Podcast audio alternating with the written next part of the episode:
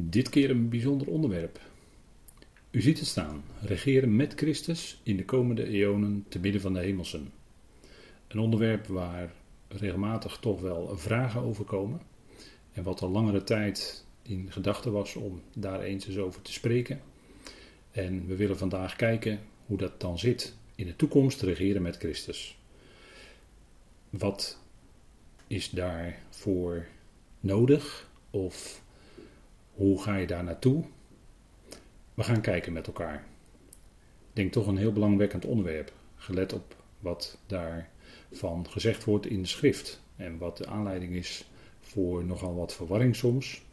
En daarom denk ik dat het goed is om aan de hand van de brieven van de apostel Paulus daarnaar te kijken. Want dat is voor ons van belang. En ik wil daarom graag eerst met u beginnen met gebed. Vader, we danken u dat we uw naam, die naam boven alle naam, ik ben, en de naam van uw Zoon, de Heer Jezus Christus, mogen kennen. Yahweh is redder. Dank u wel, Vader, dat u onze redder bent. En dat doet door uw Zoon. Dank u wel dat u ons in genade geroepen heeft. Dat we geroepen zijn tot een geweldige toekomst. Dank u wel, Vader, dat we ook daar aan de hand van dit onderwerp over mogen nadenken. Dank u wel dat u ons wilt leiden door uw geest. Mag het zijn in de waarheid van uw woord.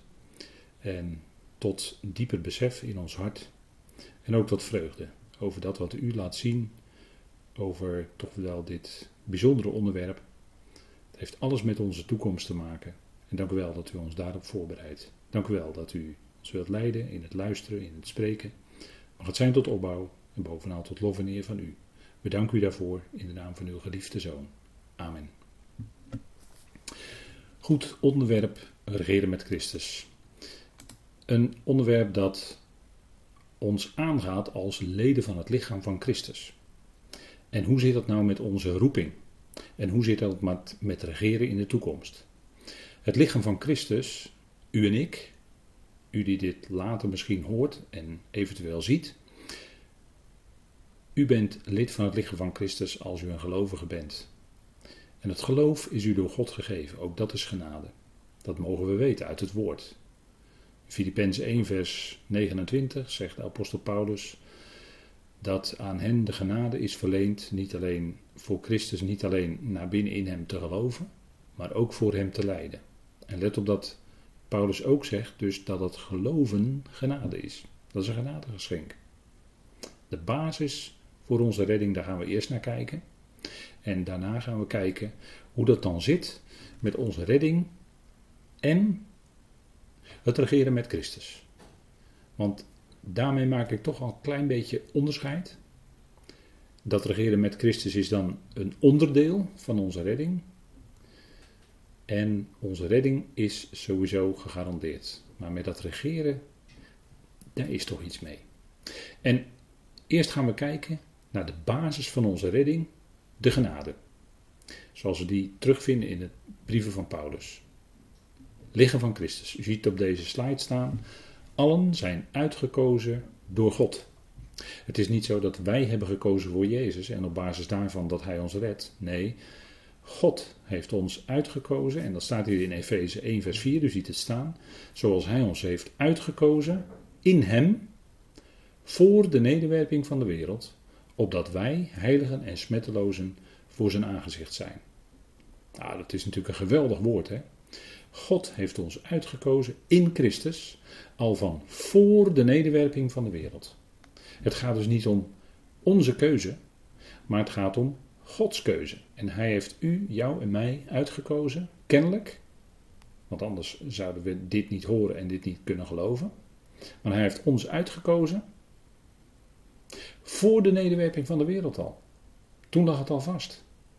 Opdat wij heiligen, dat wil zeggen apart gezetten, en smettelozen voor zijn aangezicht zijn. En zo ziet Vader ons altijd in Christus. Dat kunnen we niet vaak genoeg tegen elkaar zeggen. Dit is en blijft altijd zo. Wat ook gebeurt. Welke dingen er ook in ons leven voorvallen, dit blijft staan. En dat is natuurlijk geweldig. Dat is genade. We gaan nog even wat verder aspecten met elkaar bekijken. Zodat we een stukje opbouw hebben om straks te komen tot hoe ziet dat dan met dat regeren. Alle leden, we praten over het lichaam van Christus, alle leden zijn gerechtvaardigd door God. Op basis van die uitkiezing, van voor de nederwerking van de wereld, zijn we gerechtvaardigd door God. We hebben natuurlijk niets, dat weet u hè, we hebben niets, maar dan ook helemaal niets kunnen doen voor onze rechtvaardiging. Integendeel, we waren zondaren, doelmissers. En eigenlijk deden we er alles aan opdat we niet gerechtvaardigd zouden worden. Maar dat bood juist voor God de grond en bood juist voor God zijn genade de gelegenheid om ons te redden in Christus. Kijk, het staat hier, Romeinen, is een geweldige brief. We zijn gerechtvaardigd door het geloof van Jezus Christus. Helaas in vertalingen wegvertaald. In de NBG-vertaling vindt u het niet terug.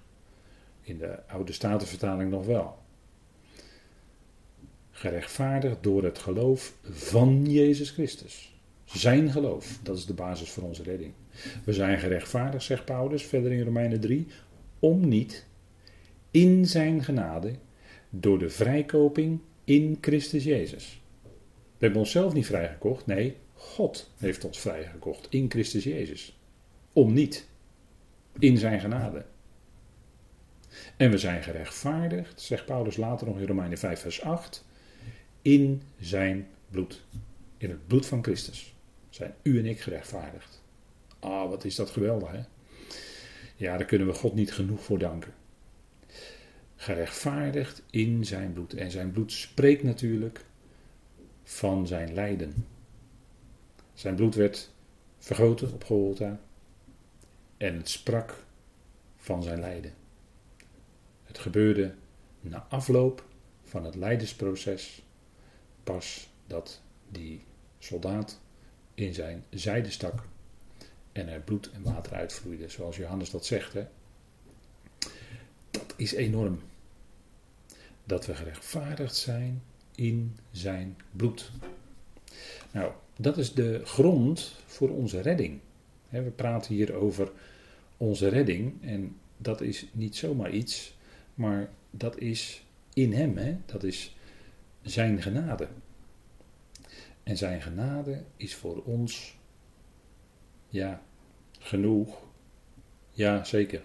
Paulus die zegt dat op zeker moment, maar op een bijzonder moment in zijn leven. De genade is genoeg. Het is genoeg. En zo is dat voor ons nog veel meer. Het is overstromend. En dat was natuurlijk ook voor Paulus. Maar in zijn situatie van lijden, doorn in zijn vlees, bleek die genade van God genoeg te zijn om eronder te kunnen blijven staan. En gaat het specifiek in 2 Korinthe 12 daarover. Maar overstromende genade klinkt in de Romeinenbrief. Niets hebben wij kunnen doen voor onze rechtvaardiging. En die rechtvaardiging, dat betreft alle leden van het lichaam van Christus. Gerechtvaardigd door zijn geloof. En dat wij daaraan geloven, dat is ook een genadegeschenk. Dat je daar ja op zegt in geloof, is ook door God gegeven, door God gewerkt in je hart door zijn geest. U hoort het, er is niets van onszelf bij. En dat kan ook helemaal niet, anders zou het geen genade zijn. werken en genade sluiten elkaar nou eenmaal uit. En geloof is ook zonder werken. En we kunnen daar ons niet op laten voorstaan. Nog een verder aspect is, als we kijken op deze slide, al de leden verzoend met God. En net als bij die rechtvaardiging geldt ook, of je dat nu realiseert, of je dat nu beseft, ja of nee, dat doet er even niet toe. Het is gewoon een feit. We zijn verzoend met God, zegt Paulus ook in die Romeinenbrief, door de dood van de zoon. Doorheen de dood van de zoon, kan ik eigenlijk wel zeggen. En we worden gered dagelijks, nu al, in zijn leven. Hij schenkt ons zijn leven en dat is onze redding voor ons dagelijks leven. Daar kunnen we door leven. Verzoend met God. Ook zoiets geweldigs, hè? En als mensen al komen, hè, als gelovigen al komen tot het besef, iets van het besef van gerechtvaardigd te zijn, om niet, dat is al geweldig hoor, want dat, dan, dan stroomt je hart vol met blijdschap en vreugde als je dat realiseert, als je dat beseft. En dan gaat het eigenlijk nog een stap verder. Want die relatie hè, met vader, verzoend met God. Dat wil zeggen dat er totaal geen vijandschap meer is. God breekt al onze vijandschap af. God was geen vijand van de mens. De vijand was wel die mens ten opzichte van God. De mens stelde zich vijandig op. De vijandschap van de mens zat in, zijn, in het vlees. En dat breekt God allemaal af. Doordat hij met zijn liefde naar je toe komt. En laat zien, kijk, dat heb ik met mijn zoon gedaan. Zo kan het eigenlijk wel zeggen. God heeft dat door zijn zoon gedaan. En zo kun jij, gelovige, met mij verzoend leven. En ik heb je lief. God had de mensheid altijd al lief. God stond nooit ten diepste vijandig ten opzichte van de mensheid. God keurde wel gedrag van Israël en van de volkeren af. Maar dat was het gedrag. Maar daarom was God nog geen vijand van Israël en de volkeren. Nee, in zijn liefde greep hij wel eens in. Maar dat was niet een betoning van zijn vijandschap, maar van zijn liefde. En van het feit dat hij recht doet, dat hij ook dat woord had gegeven aan Israël. En daarin had hij gezegd, bij Israël was het zo, de zegen en de vloek. En als jullie je ernaar gedragen, dan heb je de zegen. En als je er niet naar gedraagt, dan heb je de vloek. Dan kwam de vloek van de wet en dat gebeurde ook. En op een gegeven moment gingen ze ook in ballingschap enzovoort. Hè. Maar dat betekende nog niet dat God zelf vijandig was ten opzichte van de mens. Of van Israël of van de volkeren, ten opzichte van de volkeren. Nee, God is was altijd liefde. God had altijd die mens, die volkeren, Israël en, en alles lief. Alleen het gedrag, dat is wat anders. En nu, doordat wat de zoon bewerkte, zijn wij met God verzoend. En dat is het besef wat maar relatief niet zoveel gelovigen in hun leven meekrijgen. Omdat ze het vaak niet horen. Vaak wordt al alleen gesproken over redding door het, door het offer van Christus. Door, doordat hij aan het kruis ging, gedood werd en opstond uit de dood. Redding. En er wordt er gesproken over vergeving van zonde. En zo leven veel christenen, veel gelovigen. En die geloven dat wel oprecht, echt. En, en als dat echt oprecht dat geloof daar is, dan zijn het ook allemaal leden van het lichaam van Christus. Alleen dat is, is dat besef er nog niet van die rechtvaardiging en verzoening. En wat zijn u en ik dan rijk dat we daarover mogen horen en, en dat het steeds stapje voor stapje beter tot ons doordringt. Verzoend met God door de dood van de zoon. Nou, dat is natuurlijk iets geweldigs ook. Hè? En dat geldt alle leden van het lichaam van Christus. Of ze zich dat nu bewust zijn of niet. En het is veel fijner als je dat bewust bent geworden en zo kan leven. In het besef, er is Vader, er is niets tussen u en mij. Niets kan mij scheiden van uw liefde, die is in Christus Jezus. Ah, dat is geweldig hè. En, en dat blijft altijd staan. dat Romeinen 8 blijft altijd staan. Dat, gaat nooit, dat kan nooit ongedaan gemaakt worden. En we zullen nog meer dingen zien, zometeen, die niet door ons als gelovigen ongedaan gemaakt kunnen worden. Die genade van God is ons geschonken, die kunnen we niet verspelen door wat dan ook. Dat gaan we zien. Dat is natuurlijk geweldig, dat is de genade. Eonisch leven in de komende eonen. Dat is aan alle gelovigen van het lichaam van Christus beloofd. En dat is in feite door het geschenk van die geest die in ons woont al gegeven. Dat is de garantie. Dat gaan we ook nog zien. En goed kijken wat Paulus in Romeinen 6, vers 23 schrijft. Het genadegeschenk van God is eonisch leven in Christus Jezus onze Heer. En het plaatje zegt erbij juichend, alles is gratis. Ja, het is allemaal genade. Dat eonische leven in Christus Jezus kunnen we niet verspelen. Nooit, kan niet, is een genadegeschenk. Onmogelijk. God heeft het in genade aan ons geschonken. En ook al kijken we er nooit naar om, bij wijze van spreken, even heel grof gezegd, of al zouden we God daar nooit voor danken, dan nog is het ons geschonken en zullen we het in de toekomende eonen beleven, dat eonische leven.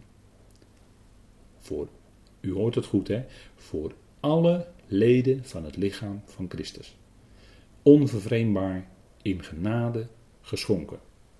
Ah, dat is natuurlijk geweldig, hè? Dat is, dat is nou echt genade. Dat is uh, absoluut zonder enige voorwaarde. U hoeft nergens aan te voldoen. Niets. Alles is u geschonken in Christus Jezus. Op grond van zijn werk, op grond van zijn geloof, op grond van de liefde van God.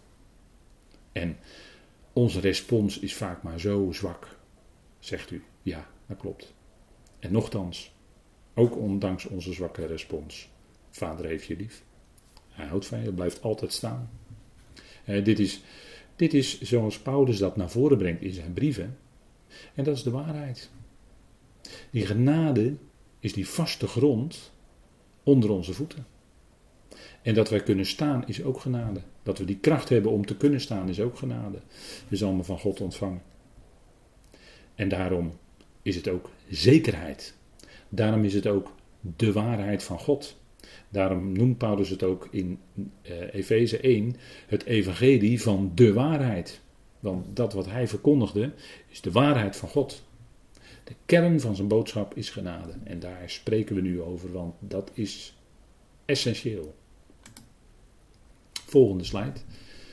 Al zijn leden, dus alle leden van het lichaam van Christus, u ziet het hier staan, zijn lotdeelbezitters van eonisch leven.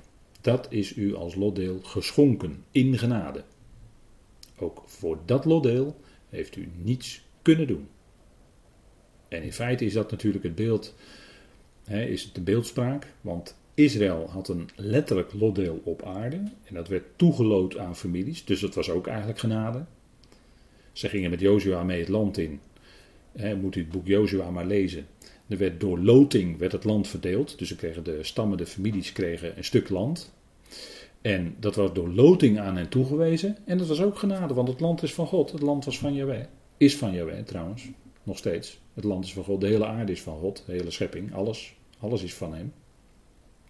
Maar hij geeft het als een genadegeschenk aan Israël. Dus Israël ontving ook al, als, in feite als genadegeschenk, zonder dat ze dat zo misschien beseften, als lotdeel een stuk land op aarde. En zo hebben wij ook een lotdeel bezit, eonisch leven. En ook hebben wij, en dat is onze toekomst, maar daar komen we zo nog op, want dat, dat gaat dan over dat regeren. Ook in onze toekomst is daar ook een lotdeel. Hè? Maar hier gebruikt Paulus een beeldspraak. Titus 3, vers 7. Hè? Daar zegt hij: Opdat wij, gerechtvaardigd wordend in zijn genade, bezitters worden in verwachting van het lotdeel van Ionisch leven. Dat is het lotdeel wat ons nooit afgenomen kan worden. Nooit. En omdat het hier ook staat als genade. Gerechtvaardigd wordend in zijn genade. Hebben we dat niet net gelezen in Romeinen 3? Gerechtvaardigd om niet, in zijn genade. En zo worden wij bezitters, in verwachting, zegt Paulus, van het lotdeel van eonisch leven. En we hebben net Romeinen 6 vers 23 gelezen. Het is een genadegeschenk, dat eonisch leven. Dat kunt u nooit verspelen. Ook al gebeurt het in, in eh, levens van, en soms gebeurt het helaas in levens van echte gelovigen. Echte gelovigen. En daar schrijft Paulus ook over aan Timotheus. Dat hun geloof schipbreuk leidt. En dat het hun geloof niet meer in de praktijk werkt. En dat ze misschien wel zeggen: Ik ben dat geloof kwijtgeraakt.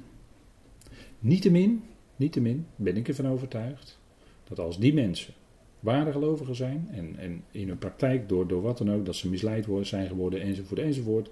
En ze zeggen misschien wel van ik ben het geloof kwijtgeraakt, ja maar God heeft hen dan niet kwijtgeraakt. Dan nochtans, hè, ook al gaat het dan in Timotheus over Hymenaeus en Philetus en Alexander, dan nochtans hebben ze Ionisch leven. Kunnen ze niet verspelen. Ook al leidt hun geloof in de praktijk schipbreuk. Dan nog blijft dit staan. Ja, dan zegt u, nou dat gaat dus wel heel ver. Precies, ja, dat gaat heel ver. Want die genade, die gaat veel verder dan u vermoedt. Gaat veel verder dan wij denken. Want wij in onze gedachten, en dat heeft misschien te maken met uw komaf, met uw opvoeding, met hoe er uh, overal uh, gepraat wordt in de wereld, hè, wat, wat de wereldse principes zijn. Hè, dat is toch vaak door religie bepaald en is toch vaak bepaald door loon naar werken. En toch moet je iets doen om, hè, dan moet je goed zijn om uh, dat of dat te kunnen verkrijgen. En in elke religie zit, je moet goed leven en dan al dan niet, misschien zul je later dan in het paradijs komen, of wat dan ook, hoe dat dan ook maar genoemd wordt, of in het nirvana, of men, uh, wat voor dwarsstaten er ook allemaal zijn. Maar het is allemaal gebaseerd op stappen die jij moet zetten, of jij moet dit, of jij moet dat. Of, en eh, genade bij Paulus, genade, die haalt daar gewoon een hele streep doorheen. God schenkt ons dat. En ongeacht hoe het daarna verder gaat, hij heeft ons dat geschonken en hij neemt het niet terug. Hij neemt het ons niet weer af. Dat kan niet, want dat is zijn belofte. Hij heeft het gegeven. Dat zijn, we zijn, het is van voor de nederwerping van de wereld dat uitgekozen zijn. Dus dat is, ja, en Paulus zegt natuurlijk in Romeinen 8 ook, het is tevoren bestemd. We zijn zelfs tevoren gekend. Door wie? Door God. Er staat er, Hij kende ons tevoren. Hij bestemde ons tevoren. Hij roept. Hij rechtvaardigt. Hij verheerlijkt. Is er iets van u bij? Uh-uh. Niets. En dat is genade. Dat is iets waar je blij van wordt, denk ik. Als je dit zo hoort. als deze dingen mogen overwegen, dan word je daar blij van. Echt blij. Vreugde bedoel ik dan. En ja, dat is, dat is natuurlijk zoiets geweldigs. Hè? We hebben het lotdeel van Ionisch leven. Dat is uw onvervreemdbaar eigendom geworden omdat God het u gegeven heeft in genade. U kan het niet verspelen. Dat is uh, geweldig, hè? Nou, ik denk dat we al aardig met dingen een beetje, ja, hoe moet ik dat nou zeggen, aan het stapelen zijn, aan het, aan het verzamelen zijn. En nu gaat het over onze toekomst, hè? Als we die volgende slide hier zien, dan gaat het over onze toekomst. Efeze 2. En Efeze, dat is de topbrief van Paulus. En Colossense ook eigenlijk ook wel aan de top, bijna. Maar Efeze is misschien nog net ietsje hoger. Net ietsje meer nog. Maar Colossense zit daar toch heel dichtbij hoor.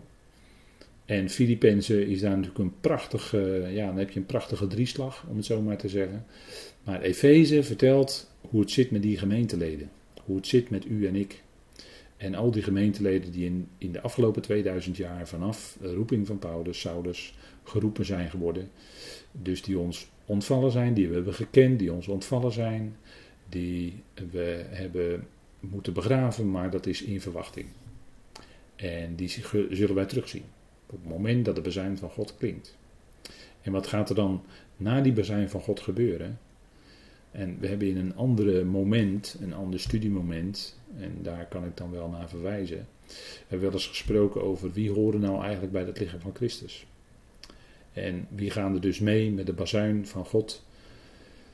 Met al die anderen en zullen de Heer dan ontmoeten in de lucht? Wie gaan er dan allemaal mee? Nou, dat, ieder lid van lichaam van Christus. En we hebben gezien, indien wij geloven, zegt Paulus dan in 1 Thessalonicense 4, dat Jezus stierf en opstond. Dat is het enige. Indien wij geloven. Maar dat is geen voorwaarde die daar neergelegd wordt. Dat is Geloven, dat hebben we gezien, dat is ook een genadegeschenk. God werkt dat geloof in je hart door zijn geest.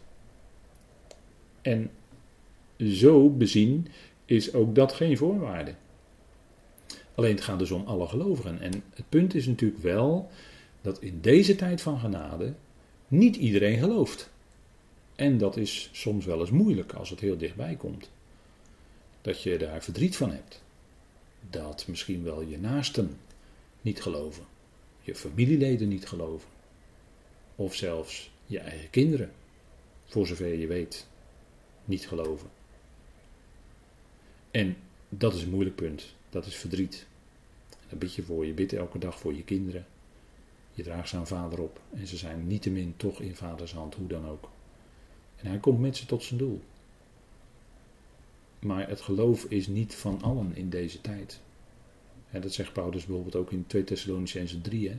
Het geloof is niet van allen. Dus dat is toch een bepaalde. Het lichaam van Christus is natuurlijk toch ook weer ja, een, een groep, en ik denk dat die groep toch groter is dan we altijd denken, omdat de genade van God blijkt toch altijd weer groter te zijn dan wij denken. En daarom, uh, ja, we kunnen wel geloof uitspreken of die gemeente nou groot is of wat minder groot. Of ik wil dat eigenlijk niet doen. Omdat ik geloof dat Vader dat bepaalt. Hoe groot dat lichaam van Christus is. Daar gaan wij niet over. Maar als je het vermoeden uitspreekt, dan is mijn vermoeden dat het lichaam van Christus nog wel eens groter zou kunnen zijn dan wij vermoeden. Maar goed, dat is voor mij persoonlijke gedachte. Kunnen we gelijk weer vergeten, want wat hier staat is veel belangrijker in Efeze 2. Dat gaan we even met elkaar lezen. U ziet het op deze slide staan. En wekt ons gezamenlijk op. En zet ons gezamenlijk te midden van de hemelingen in Christus Jezus. Opdat Hij in de komende eonen tentoonspreidt de overstijgende rijkdom van Zijn genade. In Zijn mildheid voor ons in Christus Jezus. Ook dit geldt alle leden. Hè? Ik heb het op deze dia erbij gezet. Eonisch leven in de komende eonen. Wekt ons gezamenlijk op en zet ons gezamenlijk te midden van de hemelingen in Christus Jezus. Dat is nu al, geestelijk gezien, zijn we daar nu al gezet. We zijn burgers van dat rijk in de hemelen. Hè? Ons domein is in de hemelen, zegt Paulus in Filippenzen 3, waaruit wij ook de Heer Jezus Christus als redder, niet als richter, maar als redder verwachten. En dat is natuurlijk dat moment dat de bassin klinkt in Thessalonicense 4. Al die leden van het lichaam van Christus zullen daarbij zijn. Alle leden. Ongeacht vanaf hun roeping, vanaf hun bewustwording van hun roeping, van hun tot geloof komen, hoe je het ook zeggen wil. Vanaf het moment dat je tot geloof gekomen bent, of misschien heb je van kinds af aan altijd al geloofd, maar al die tijd, tot aan de bazuin, of hoe lang je leven is geweest, is jouw gedrag niet bepalend of jij met de bazuin meegaat de Heer tegemoet in de lucht. Ja, de Heer tegemoet tot de ontmoeting van de Heer in de lucht. Ik moet mezelf corrigeren, want ik zei het weer op de oude manier, maar dat is niet goed. Ongeacht ons gedrag, want het is een genademoment. En daarom nadrukkelijk alle leden van het lichaam van Christus, zullen met de bazijn van God weggerukt worden, dus in grote snelheid weggenomen worden, en de Heer gaan ontmoeten in de lucht. Dat is niet afhankelijk van gedrag. En er zijn heel wat leerlingen die dat wel leren, dat er een gedeeltelijke, een partiële opname zou zijn, afhankelijk van jouw gedrag, of jij wel goed genoeg je best hebt gedaan. Maar de genade van God haalt daar een dikke streep doorheen. Alle leden hebben eonisch leven in de komende eonen. En voor het liggen van Christus geldt dan dus niet hier op aarde, maar boven, want het staat hier, hè, te midden van de hemelingen, in Christus Jezus. Dat is waar we nu al gezet zijn, geestelijk gezien. En dat zal straks voor ieder lid lijfelijk ook werkelijkheid worden. Dus voor alle leden geldt dat ze eonisch leven hebben in de komende eonen. En niet op aarde zullen achterblijven bij de bazuin. Uitdrukkelijk niet, hè? Uitdrukkelijk niet. Nee. Ze zullen de Heer ontmoeten in de lucht en met hem meegevoerd worden naar te midden van de hemelingen. Waar dat dan ook maar is. Maar dat is niet op aarde. Volgende slide. Alle leden, en dat is ook weer zoiets geweldigs, hè? ook weer de Efezebrief, zijn verzegeld met Heilige Geest. En natuurlijk klinkt dat ook in 2 Korinthe 1. Daar staat het al. Maar Paulus onderstreept het hier nog eens een keer binnen het kader van de topbrief, de Efezebrief. In Efeze 1, vers 13 en 14 staat: In hem ook zijn jullie, horend het woord van de waarheid, het evangelie van jullie redding, in hem ook gelovend, verzegeld met de geest van de belofte, de heilige, die een waarborg is van onze lottoedeling tot de vrijkoping van het voor ons toegeëigende, tot lofprijs van zijn heerlijkheid. Kijk, die verzegeling, dat is natuurlijk zekerheid. Hè? Dat is een prachtig beeld wat Paulus hier gebruikt. En u ziet hier een, eh, een, eh, plaatje van een groot zegel op. Maar dat is natuurlijk uit letterlijk hoe het in de praktijk werkt, met letterlijke lakzegels. En er zijn ook allerlei andere vormen. Maar goed, het gaat om het beeld. Hè. We zijn verzegeld. En dat wil zeggen, dat is een waarborg. Dat, is een, hè, dat, dat wordt in vers 14 wordt dat woord ook gebruikt. Dat is een waarborg van onze lottoedeling. We hebben nu al die geest ontvangen. En daardoor is dat in ons, hè, zijn wij gewaarborgd. Dat dat het voor ons toegeëigende ook daadwerkelijk in die vrijkoping ons deel zal zijn. En wij hebben nu al die garantie, die zekerheidsstelling, die verzegeling ontvangen. We zijn verzegeld met Heilige Geest. U en ik, wij kunnen dat zegel niet ongedaan maken. Wij kunnen dat zegel niet verbreken. Want het is God die dat zegel op ons heeft gedrukt. Zijn geest in ons. Daarmee zijn we verzegeld. En dat is absoluut niet ongedaan te maken. Kan niet, is onmogelijk. En dat is, dan zegt u ja, dat is toch wel erg zeker. Ja, zeker. Dat is genade. De genade is zeker. Kijk, al het andere maakt je onzeker. Maar de genade van God geeft een en al zekerheid, vastheid, heerlijkheid, vreugde in ons leven. En dat, eh, dat kan ook niet anders, dan komt het van binnen naar buiten. Gaat die geest werken en gaat een stukje vrucht van die geest zichtbaar worden. En dat is natuurlijk wat, wat Paulus ook aangeeft, hè, die prachtige vrucht van de geest. Nou, daar komen we nog op. Uh, bijna, hè, we lezen straks een stukje uit die brief waarin dat genoemd wordt. En dan is een gedeelte wat er dichtbij staat. Goed, daar gaan we naar kijken. Verzegeld. Fantastisch, hè? En dat is, die verzegeling is ook, en dat staat er niet in deze verse, maar als we Efeze 4, uh, sla ik er dan even bij op. Als we dan Efeze 4, dan maken we het even helemaal compleet wat dat betreft. En er staat.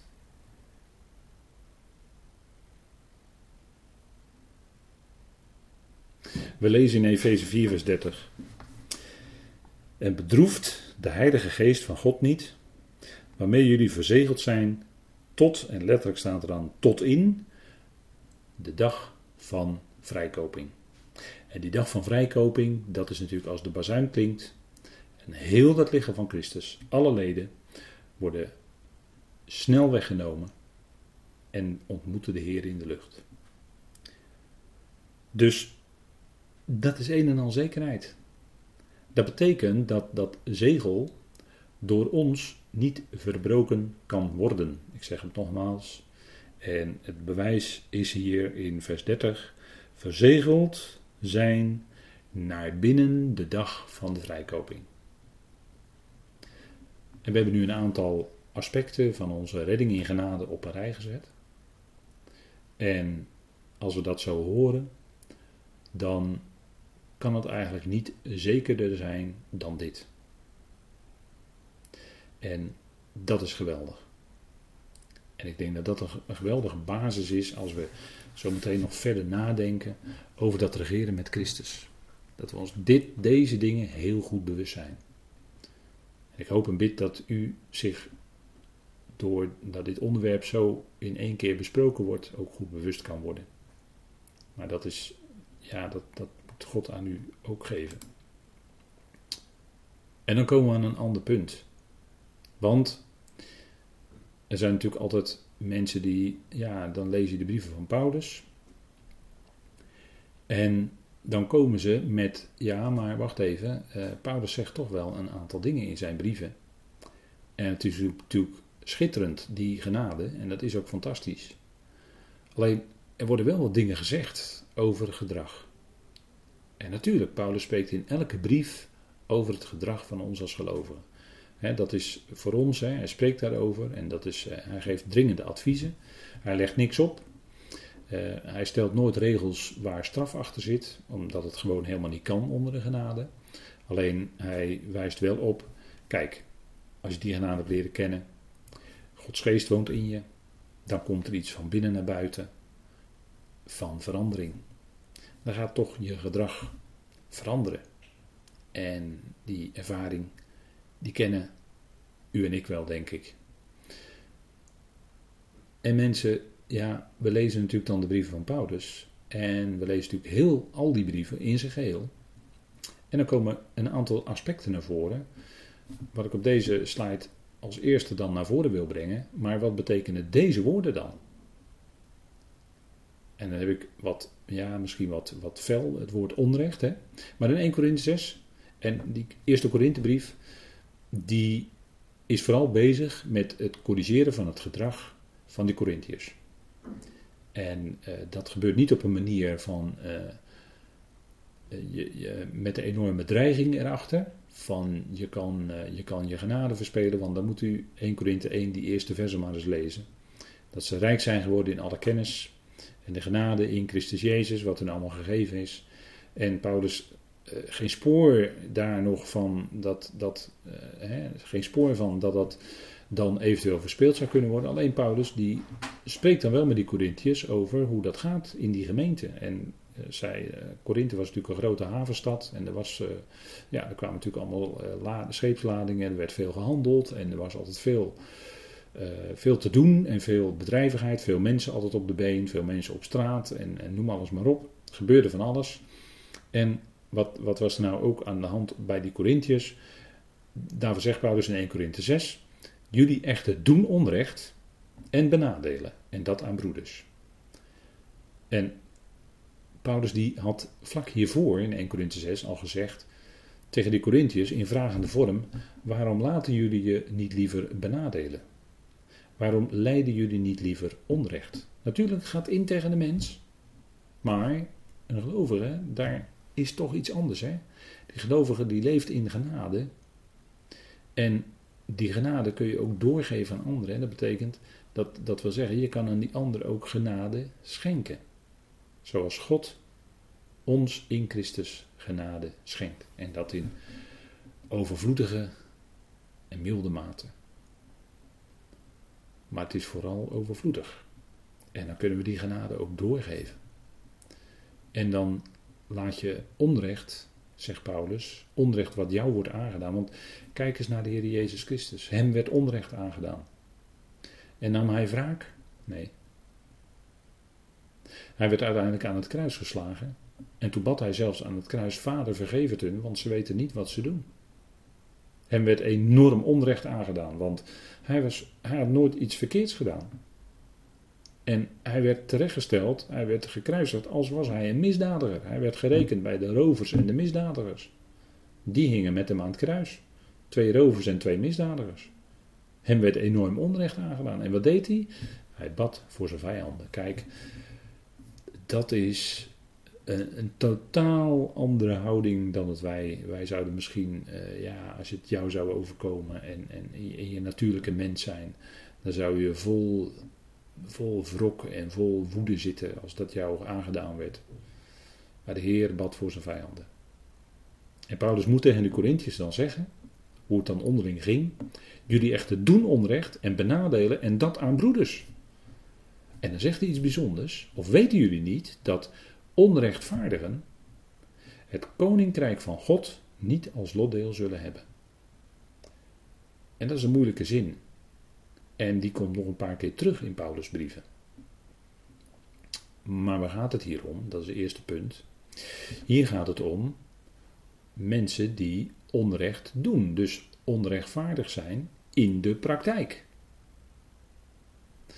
En dat is even afgezien van het feit of ze al dan niet geloven. En bovendien zegt Paulus hier over iets onderlings, dus dat deden gelovigen, rechtvaardigen dus, elkaar aan. Ze benadeelden elkaar en ze deden elkaar onrecht aan.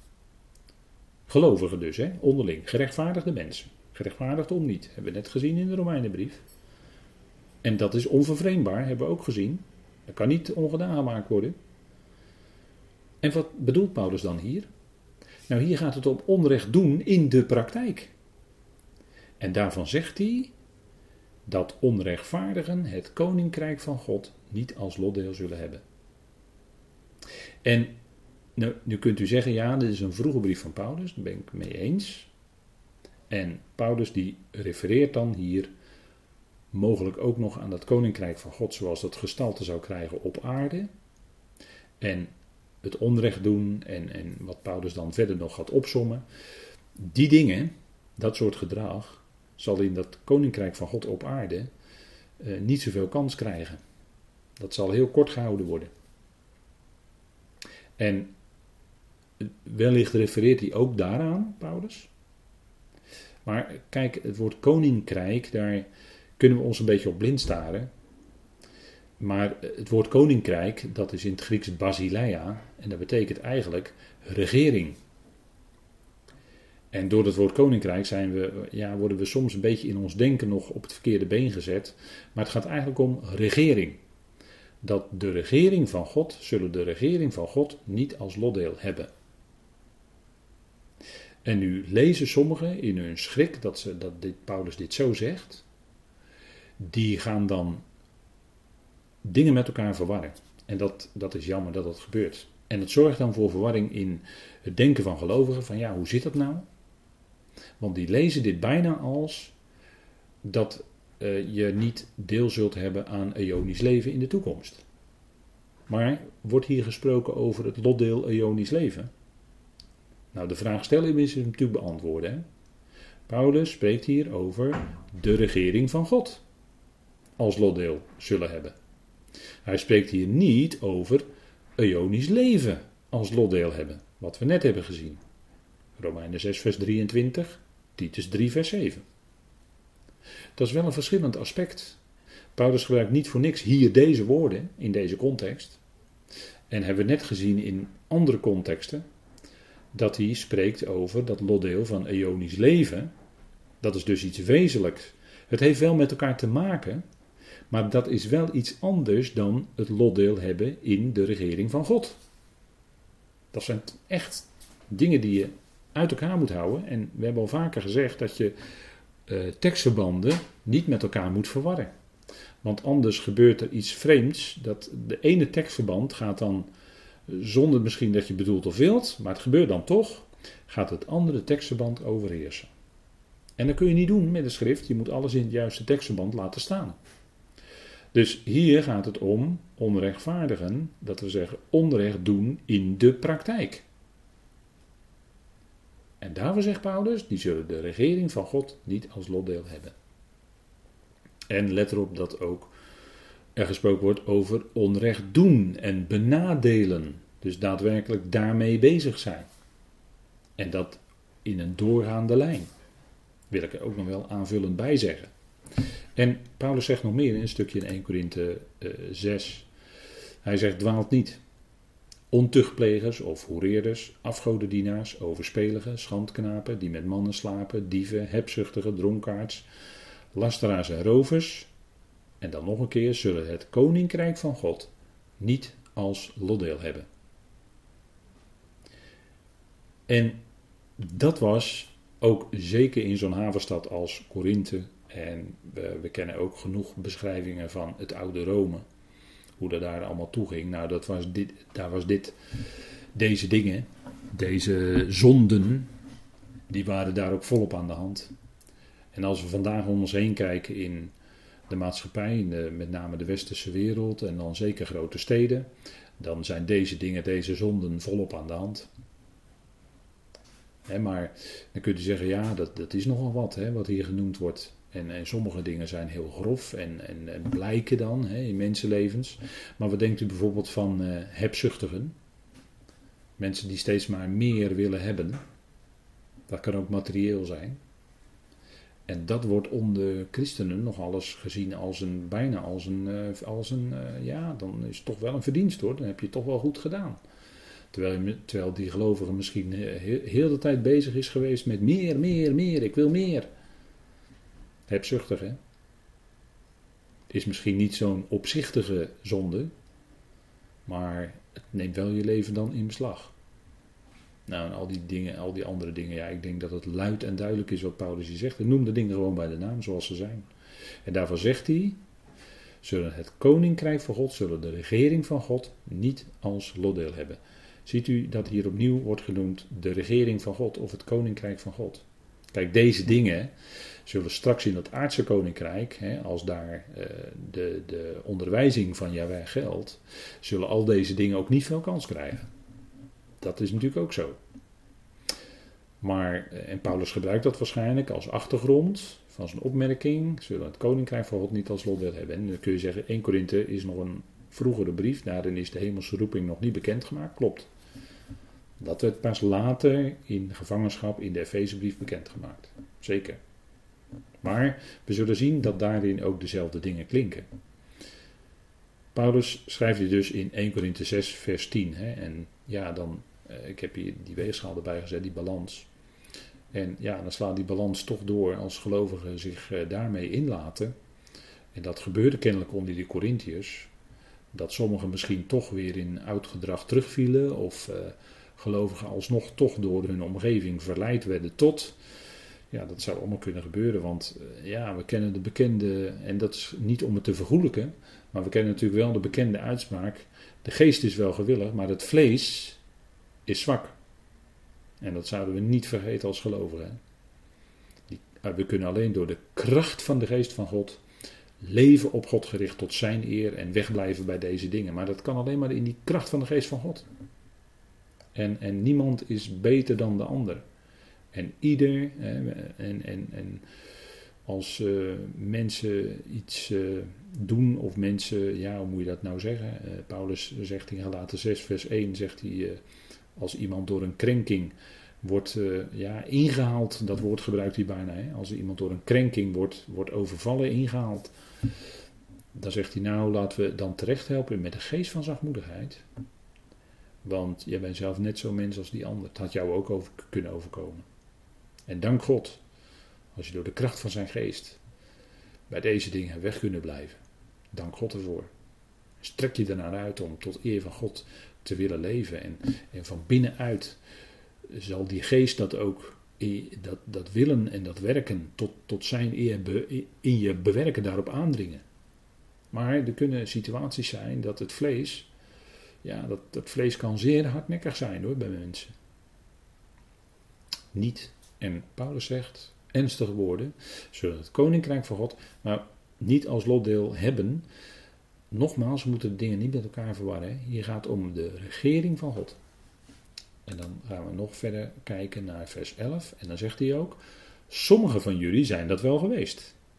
En dan wijst hij ze op hun roeping, de Corinthiërs, en ook wij, maar jullie zijn schoongewassen, jullie zijn geheiligd, jullie zijn gerechtvaardigd in de naam van de Heer Jezus en door de geest van onze God.